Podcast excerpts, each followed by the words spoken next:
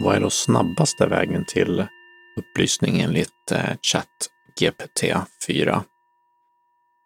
Andra upplysningar är personlig resa som kan vara svår att kvantifiera eller mäta i termer av tid eller hastighet. Det finns ingen enkel eller snabb väg till andlig upplysning eftersom det är en process som innefattar att utforska och utveckla din medvetenhet, din självmedvetenhet och din relation till världen. Det är viktigt att ha realistiska förväntningar och att undvika att leta efter snabba lösningar eller genvägar.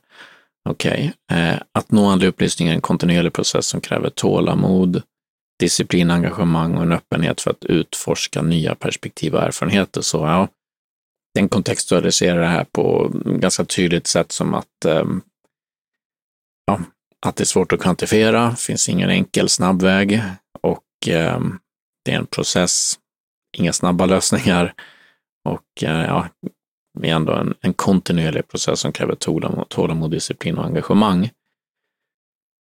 Det finns dock, skriver den, vissa tekniker och metoder som kan hjälpa dig att påskynda din andliga utveckling. Så då är det ju, ska man säga, omvänt faktiskt. Eh, en snabbare väg, då kanske inte snabbaste vägen till andlig upplysning, men den vill, pratar ju ändå om någonting som i relation till att inte göra det här då eh, går snabbare. Så då säger den, det finns vissa metoder som kan hjälpa dig påskynda, påskynda din andliga utveckling. Så 1. Meditation. Meditation är en viktig teknik för att öka medvetenheten och hjälpa dig att komma i kontakt med ditt inre jag. Genom regelbunden meditation kan du öka din självmedvetenhet. Jag gillar inte det ordet självmedvetenhet. Self-awareness, är det det de, de menar med det? Öka din medvetenhet är ett annat sätt att se på det bara. För att det är ju medvetenhet, på ett sätt är det medvetenhet, om vi ska säga självmedvetenhet, i termer av det stora självet eller det stora jaget så att bli mer medveten om det. Till skillnad från då det lilla jaget eller vad man säger, det narrativa självet, de självrefererande tankarna. Så på så sätt kanske jag ska använda mig här då och hålla med, men jag tror inte att det är det som ChatGPT menar. I alla fall då, genom regelbunden meditation kan du öka din självmedvetenhet, eh, öka din förmåga att fokusera och koncentrera dig och lära dig att observera dina tankar och känslor utan att bli fast i dem. Så det här är ju egentligen kanske mindfulness de pratar om, med självmedvetenhet. Gissar jag. Jag vet inte riktigt. Men så här, öka din förmåga att fokusera och koncentrera dig. Det är också viss typ av meditation som verkligen tränar den uppmärksamhetsförmågan när vi tydligt fokuserar på någonting och att lära dig observera dina tankar och känslor utan att bli fast vid dem. Så det, och det, är också, det kan ju vara en, en, en meditationspraktikteknik som faktiskt är exakt det, att observera våra tankar, att observera känslor som noting då, eller noterande. Att vi blundar eller ögonen öppna och bara noterar vad är det vi känner, vad är det vi tänker, vad är det för kroppssensationer vi har, fysiska, eller vad är det för känslor som kommer upp, vad är det för någonting vi känner i vår omgivning på huden. Ehm, ja, det är olika meditationspraktiker, tekniker som vi kan använda oss av. Och meditation är ju den, det som rekommenderas av alla, i princip alla andliga traditioner förutom några enstaka någon gör lite lärare ibland som menar att man inte bör meditera, så är det ändå i alla mystika delar av de stora traditionerna eller de stora religionerna vi har så finns det alltid en mystikådra eller esoterisk där meditation alltid på ett eller annat sätt, om det är sufism inom islam eller om det är kristen mystik inom kristendomen eller zen-buddhismen inom buddhismen som menar att vad vi ska göra för att nå det här då, eller uppleva det här då som de pratar om och beskriver är någon typ av introspektiv meditation, kontemplation, bön, den typen av saker hjälper oss att komma närmare det. Så de eh, andliga traditionerna är överens med ChatGPT i det hänseendet att det är ja, men skulle jag säga mycket riktigt den viktigaste grejen. Det är praktik, det är meditation. Nummer två så har en yoga. Eh, yoga är en annan teknik som kan hjälpa dig att nå andlig upplysning. Yoga ökar din kroppsliga medvetenhet och hjälper dig att skapa en balans eh, mellan din kropp, ditt sinne och din själ. Yoga betyder väl egentligen förening, tror jag. jag för mig det. Och eh, yoga är ju problematiskt eller svårt att prata om tycker jag eftersom vi har hot yoga som inte har så mycket att göra med eh, den yogan som kom från Indien för x antal tusen år sedan. Så när vi säger yoga idag i Sverige så tänker de flesta, flesta spontant på att göra olika yogaövningar då. Vilket ja, ökar din kropps, kroppsliga medvetenhet och det är ju det. Eh, det kan hjälpa att skapa en balans mellan kropp, sinne och själ. Och det är ju egentligen grunden i yoga, så som det var när den kom. Att det handlade om ett andligt uppvaknande faktiskt. Det handlade inte om att bli vig, det handlade inte om att må bättre egentligen i kroppen, eh, det blir mer av en bieffekt, utan det handlade om att vakna upp precis som meditation. Och då var det olika yogaövningar då, eller positioner som man står i för att då nå det, eller uppleva det. Så det är en, också en väg men att rekommendera yoga generellt eh, skulle jag kanske inte göra i första hand eftersom yoga, om man går och gör vanlig yoga, så är mycket av den, av den här typen som handlar mer om att bli vig och handlar mer om kroppen.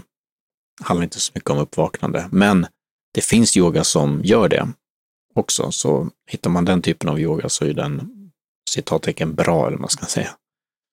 Um, Mindfulness är nummer tre. Att vara medveten om dina tankar, känslor och handlingar kan hjälpa dig att öka din självmedvetenhet och förståelse för din egen andlighet. Ja, genom att öva mindfulness kan du lära dig att vara mer närvarande i nuet och uppleva livet mer intensivt, står det. Ja. Så mindfulness är ju, ses ju många gånger som att vara lite mer medveten, bara som det står här, tankar, känslor och handlingar, att vara mer så här, ja, självmedvetenhet nämner de här igen, lite mer uppmärksam i vardagen. Och jag är osäker på egentligen hur mycket mindfulness skiljer sig från meditation. Vad är egentligen skillnaden där? Kanske skulle få fråga den där också. Ja, men så mindfulness, mindfulness meditation, Jon Kambat-Zinn är den som, den som populariserat det mest, tror jag, i, i västvärlden. Nummer fyra, att praktisera tacksamhet, att fokusera på det som du är tacksamhet för i ditt liv kan hjälpa dig att uppskatta det som är viktigt och värdefullt i ditt liv. Genom att praktisera tacksamhet kan du öka din positiva energi och öppna upp dig för nya erfarenheter och möjligheter. Tacksamhet, tacksamhetsövningar gör att vi mår, eh, att vi blir lyckligare i genomsnitt, har studier visat. Positiv psykologi har, det akademiska fältet positiv psykologi som finns, har visat att med tacksamhetsövningar, att fokusera då som saker vi är tacksam för, vi kan tänka på att vi har pengar, det kan vara enkla saker, alltså att vi har råd att köpa mat eller har värme eller att vi har vänner som bryr sig om oss eller att vi åtminstone lever någonting i alla fall som vi kan ta i oss som känns eh, tacksamt, som vi kan känna tacksamhet för. Och träna oss på det. Små saker som stora. Och regelbundet då träna på det eller regelbundet tänka på det. Gör att vi både blir då så att hjälper oss att uppskatta de sakerna såklart, såklart genom att vi fokuserar på dem, men det gör också att vi faktiskt mår bättre. Vi blir genomsnitt, i genomsnitt i alla fall, ehm, lyckligare av det. Så vi kan, som du säger, öka din positiva energi och öppna upp för nya erfarenheter. Och skulle jag säga, i eh, vad gäller så här snabbaste vägen till upplysning så är det bra att ha en, att må bra hjälper. Att må dåligt kan ibland också hjälpa. Eckart Tolle är ju känd för att ha vaknat upp genom en depression. Och den var nog i mångt och mycket en katalysator, men eh, det finns ingen stark korrelation mellan depression och andliga uppvaknanden. På så sätt att människor som blir deprimerade ofta vaknar upp. Det finns däremot en ganska många som vaknat upp som har varit deprimerade, men de är eh, försvinnande få. Så att satsa på att typ bli deprimerad med andra ord är ju inte, inte någon eh, superbra väg att gå. Det skulle jag tro i alla fall, generellt för alla människor, är ju att må bra. För när vi mår bra så slappnar vi av. Och eh, en anledning till att vi, så många människor ser det, eller många andliga traditioner ser självet-jaget, eh, identifikationen som en kontraktion, som en återhållsamhet eller någonting, en inlärd eh, knut. Vad heter det? Gordian knot. Vi är fast i eh, någonting, vi är knutna, uppknutna, uppbundna. Och vi är eh, på det här temat då stressade, och när vi slappnar av, när vi läker, när vi, om, om vi går i terapi eller vi gör tacksamhetsövningar eller vi gör goda handlingar eller vi tar en bättre hand om oss själva, kanske rör på oss, äter bättre eller vad det nu är, kan göra att vi slappnar av. Det kan också göra att vi blir stressade för att vi håller på med för mycket av olika av de här grejerna. Men när vi hittar en balans då, om vi använder det ordet, finna en balans i att inte bara tänka negativa saker om oss själva och andra, utan komplementera eller komplettera det med positiva saker också. Saker som vi mår bra av, som känns positivt, skönt. Så slappnar vi av i vårt nervsystem, i vårt jag, i vårt själv, i våra narrativa tankar, blir mer, mer, mer av dem, en större andel av dem blir positiva och eh, hjälper oss på vägen då att vakna upp är min bild.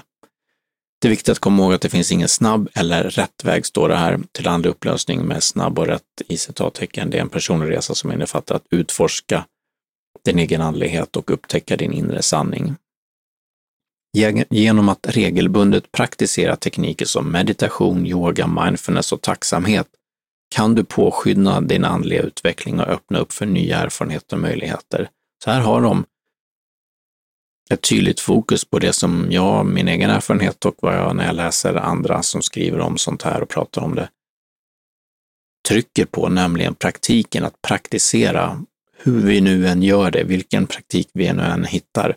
Om det är klassisk meditation och sitta och titta in i en vägg, som jag gjorde i en massa år, som för många eh, verkar vara det tråkigaste och vilket jag har full förståelse för, för det är inte så kul att sitta och titta in i en vägg. De flesta tycker det är astrist. Så det, men det finns andra praktiker vi kan göra. Vi kan testa oss fram, vi kan mixa praktiker. praktiker. Vi kan göra, lyssna på någon musik när vi mediterar, vi kan göra mantran, vi kan gå ut och gå, göra lite åt mindfulness-hållet. Vi kan hitta saker som funkar för oss själva om vi nu vill. Vi kan strunta i att göra någonting också om det är det vi vill. Men vad det traditionerna, de flesta traditioner pratar om och föreskriver är någon typ av eh, introspektiv eh, praktik. Vara fullt medvetet närvarande, göra mantra, koan som i zenbuddismen, räkna andetagen, var medvetenhet om din kropp, var medveten om din kropp. För att på så sätt vakna upp, för att nå ett andligt uppvaknande, behöver vi se oss själva. Vi behöver se vårt jag, se vårt själv. Eller se igenom illusionen av det jag vi var identifierade med. Någonting av det behöver hända. Och eh, det bästa sättet att göra det på är att rikta uppmärksamheten mot det, vilket egentligen är det som meditation är. Vi riktar uppmärksamheten mot någonting Istället för våra invanda tankemönster, våra negativa tankar i det här fallet då, vi pratar om tankar, så riktar vi det mot jaget självt, mot andetagen, mot någonting som finns i nuet, mot någonting som inte är beroende av eh, den tankarna eller föreställningsvärlden som vi har utvecklat över de åren från det att vi föddes till idag. Då kan vi se igenom det, se oss själva, det som traditionerna kallar för vårt sanna själv. Och eh, när vi gör det så är det som traditionerna beskriver som ett uppvaknande. Och det kan vara för en liten stund, en skymt. Och det kan också vara att eh, det blir permanent så att det är,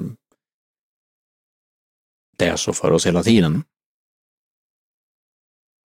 Så, det var det om eh, snabbaste vägen till andligt uppvaknande. Jag gjorde en video om det för ett tag sedan också, där jag själv beskrev lite grann teorier och tekniker för, som en som heter Jeffrey Martin framförallt pratat om, hur man kan testa sig fram med olika typer av meditationspraktiker för att nå det som passar oss bäst. För det är också, skulle jag säga, en viktig del i det. Att det här, jag har redan varit inne på det nu, men att finna det som är det som gör att vi skiner upp och känner att det här ger mig någonting. Såklart har vi väldigt lätt för att bara släppa saker så fort vi inte får ut massa av det så kan vi behöva träna på att ha den här, som de också beskriver, disciplin, uthållighet och så. Men vi behöver hitta någonting som passar oss och eh, då går det, skulle jag säga, snabbare än att hålla på och gneta med någonting som vi verkligen inte trivs med i år efter år, som en del gör. Om man vill göra så, så är det såklart upp till var och att göra det, men det är viktigt att veta bara rent kunskapsmässigt att det finns massa olika saker man kan göra. Man kan hålla på med shamanism eller zenbuddism eller ingetdera utan bara något mer sekulärt eh, sätt att tänka kring mindfulness och eh, meditation och andlig, upp, andlig upplysning för den delen. Vad som än funkar, kör på det.